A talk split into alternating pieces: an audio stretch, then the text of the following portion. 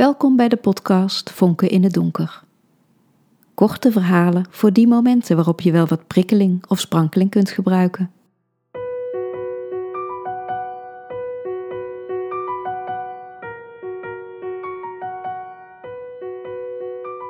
Iets niet zeggen is nog geen liegen. Ik heb het toch gedaan. Wat? Ik heb toch in jou gespoten. Hij kijkt me triomfantelijk aan. Ik voel met mijn hand tussen mijn benen. Vochtig, warm, plakkerig. Nee, je zei dat je het niet zou doen, je had het beloofd. Jij zei dat je een condoom zou pakken. Ja, dit heb ik niet gedaan omdat jij had beloofd dat je niet in mij zou klaarkomen. Hij haalt licht zijn schouders op. Ik had het ook niet kunnen zeggen. Ben verbijsterd en bedenk dat ik verbijstering stom vind, ergens bungelen tussen verbazing en woede, richtingloos. Ik ga plassen en probeer me leeg te persen. Terug in bed draai ik me met mijn rug naar hem toe. Ben je nou boos? Tot mijn ergernis voel ik geen enkele woede. Die ergernis weet ik in mijn stem en schouders te leggen als ik antwoord. Wat denk je zelf? Dadelijk ga ik in je spuiten, had hij gezegd terwijl hij mijn gezicht streelde. Dat ga jij zeker niet doen, had ik beslist geantwoord. Jawel, ik wil iets blijvends van ons. Je bent zo mooi, wat we samen hebben is zo mooi, dat mag niet verloren gaan. Straks ben je misschien boos op me en met een kind zijn we voor altijd verbonden. Hij had tranen in zijn ogen gehad. Verstandig had ik gereageerd. Jij wil helemaal geen kinderen meer. Je hebt er al drie bij twee vrouwen, weet je nog? En jij weet net zo goed als ik dat jij er niet zult zijn als er een kind komt.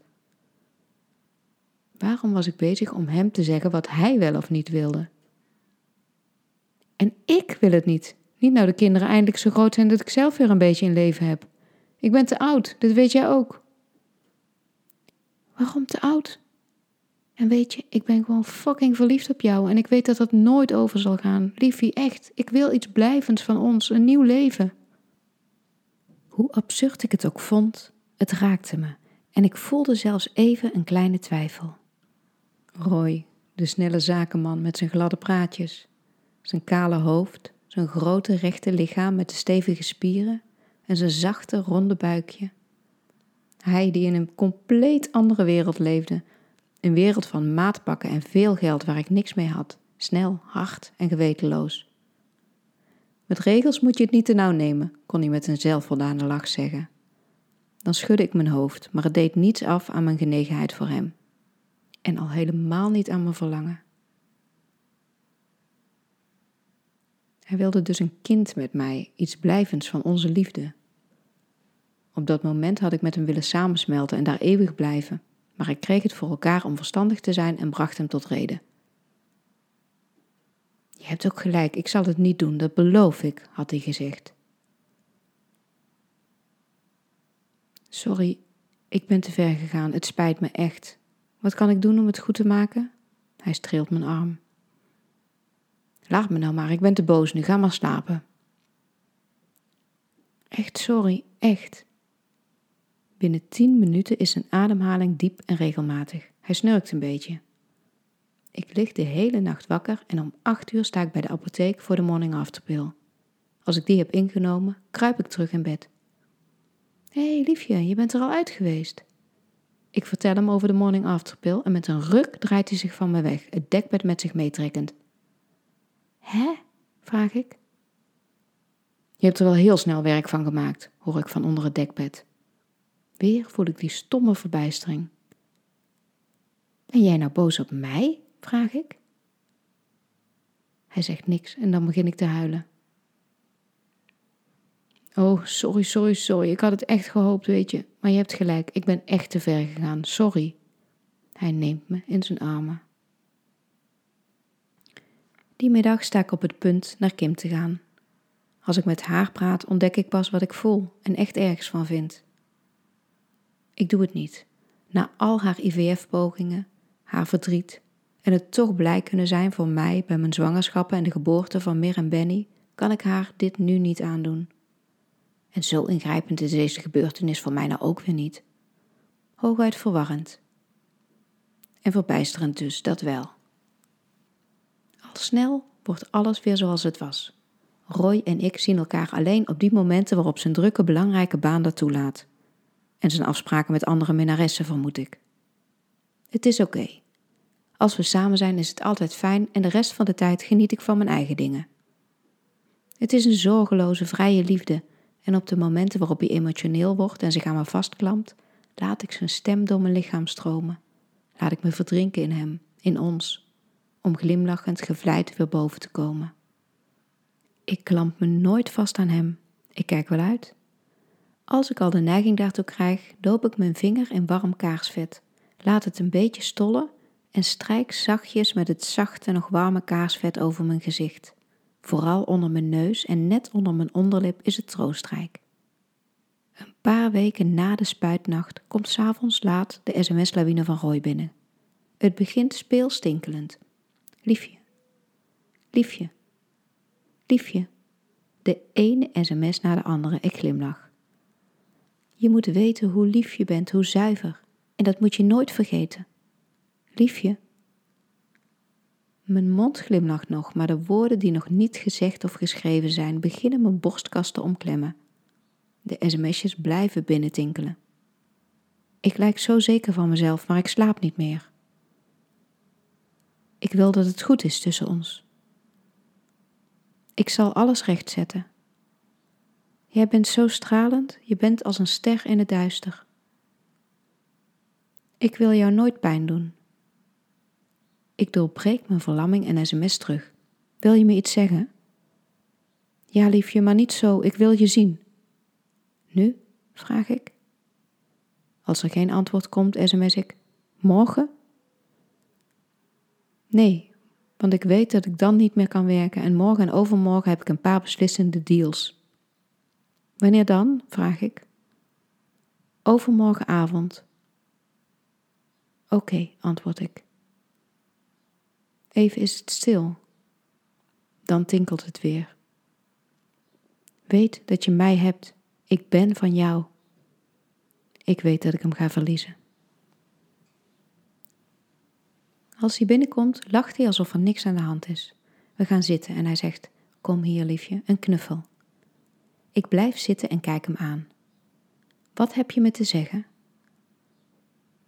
Ja, hoe zal ik het zeggen? Ehm, wat ik je nog niet had verteld, maar wat wel zo is. Uh, ik heb een vriendin. Het lijkt me beter daar eerlijk over te zijn. Een vriendin, in de zin van een echte relatie. Hij knikt. Hoe lang al? Een jaartje ongeveer. Een jaar? En wij gaan al bijna een half jaar met elkaar om en al die tijd heb jij een vriendin? Ja, ik kan er niet meer mee leven. Ik wil eerlijk tegen je zijn. Ik schud mijn hoofd. Jij wilde een kind met me. Ja, dat meende ik ook. ongelooflijk. En weet zij van mij? Nee, liefie, dat zou echt niet gaan. Zij is niet zo begripvol als jij. Maar ik ga het oplossen, echt waar. Hoezo oplossen? Je hebt mij, dat heb ik je toch gezegd? Hij kijkt alsof dat een antwoord op mijn vraag is. Weet je, Roy, je bent vrij om te doen wat je wil. Als je me had gezegd dat je minnaressen zou hebben, zou ik dat prima vinden. Natuurlijk, ik ben ook jaloers, maar ik kan daarmee leven. Maar een vriendin, een echte relatie, echt, dat gaat voor mij te ver. Ik wil niet jouw geheime liefje zijn. Ik wil niet meedoen aan bedrog. Ik voel tranen over mijn wangen stromen. Hij zit er als versteend bij. Maar jij hebt mijn hart veroverd, fluistert hij. Ik wil bij jou zijn. Ik ben van jou echt. Ik regel het. Vertrouw op mij. Ik zeg dat hij moet gaan, dat ik alleen wil zijn. Als hij de deur uit is, belt Kim. Er zit een trilling in haar stem en ze vraagt of ik naar haar toe kan komen. Verdoofd fiets ik naar haar huis. Ze heeft rode wangen en glanzende ogen. Ik ben zwanger. Ze klinkt alsof ze zichzelf niet gelooft. Ik weet niet wat ik moet. Ik ben nu veel te oud, het kon toch niet? Bas en ik hadden ons erbij neergelegd en net nu ik het had geaccepteerd, gebeurt dit. Kim, je bent zwanger. Ja, ik ben zo gelukkig. Ze barst in huilen uit. Maar het kan toch niet? En net nou ik afdelingshoofd word. Kim, ik kan altijd helpen. Ik zal oppassen wanneer je maar wilt. En als je moet uitrusten, ga ik met de baby wandelen. Heerlijk. Dat kindje zal niks tekort komen. Ik neem haar in mijn armen tot ze zucht en zegt: Nog nooit is iemand zo welkom geweest als dit kindje. Dan rent ze naar de wc om over te geven. Als ik weer thuis ben, bedenk ik dat Kims geluk nu belangrijker is dan mijn verdriet. Twee weken later is er een afscheidsfeestje van haar afdelingshoofd Judith, van wie Kim de functie gaat overnemen.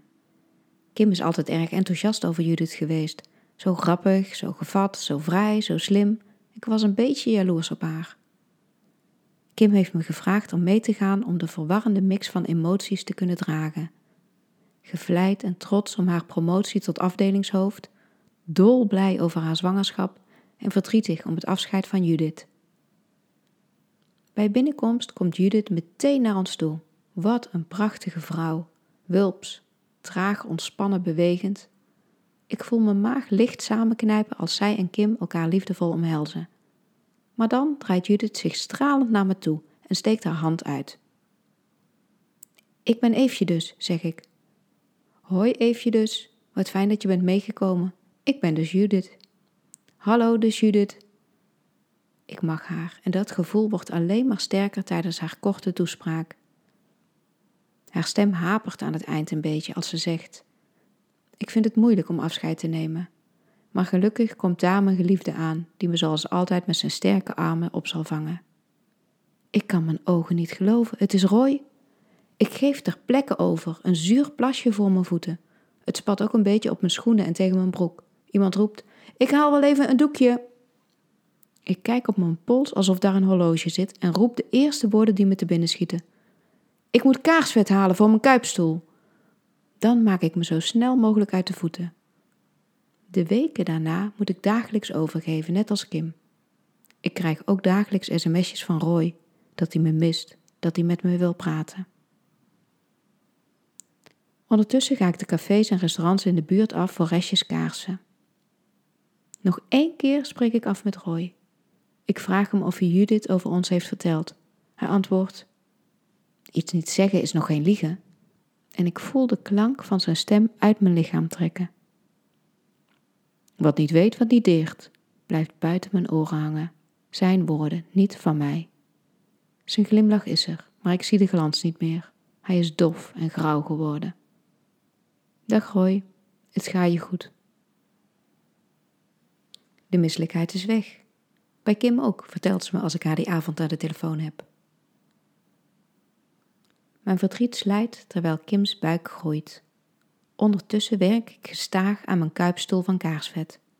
Door de verschillende kleuren van de kaarsen krijgt hij een onbestemde, vlekkerige, wat viezige kleur. Maar het is heerlijk dat ik hem onder mijn handen vorm voel krijgen. Hij is klaar op de dag dat Kim van Thomas bevalt. Wat een prachtig kindje en wat een lieve moeder. De herinneringen aan de geboorte van Mir en Benny zijn intens voelbaar. Bijna elke dag ga ik even kijken. En op de momenten dat ik zie dat Kim bek af is, leg ik Thomas in de kinderwagen en ga ik met hem wandelen. Het is zo rustgevend om hem rustig te zien worden op de schommeling van de kinderwagen. Op een maandag regent het een beetje. Eefje. Ik draai me om. Het is Roy. Hij kijkt van mij naar de kinderwagen. Jij hebt toen toch. Hij maakt zijn zin niet af. Ik haal mijn schouders op. Is het een jongen of een meisje? Een jongen. Hoe heet hij? Thomas. Ik pak Thomas uit de wagen en leg hem in Roy's armen. Ik zie de zorgzame kracht en zachtheid in zijn handen en ik voel hoe ik gedragen word. Ik zie hoe hij naar Thomas kijkt, de blik die ik zo goed ken. Een traan rolt over zijn wang. Hij heeft zijn glans weer. Dag Thomas, zegt hij, en zijn stem stroomt via mijn achterhoofd en nek naar mijn onderrug en vult van daaruit mijn buik.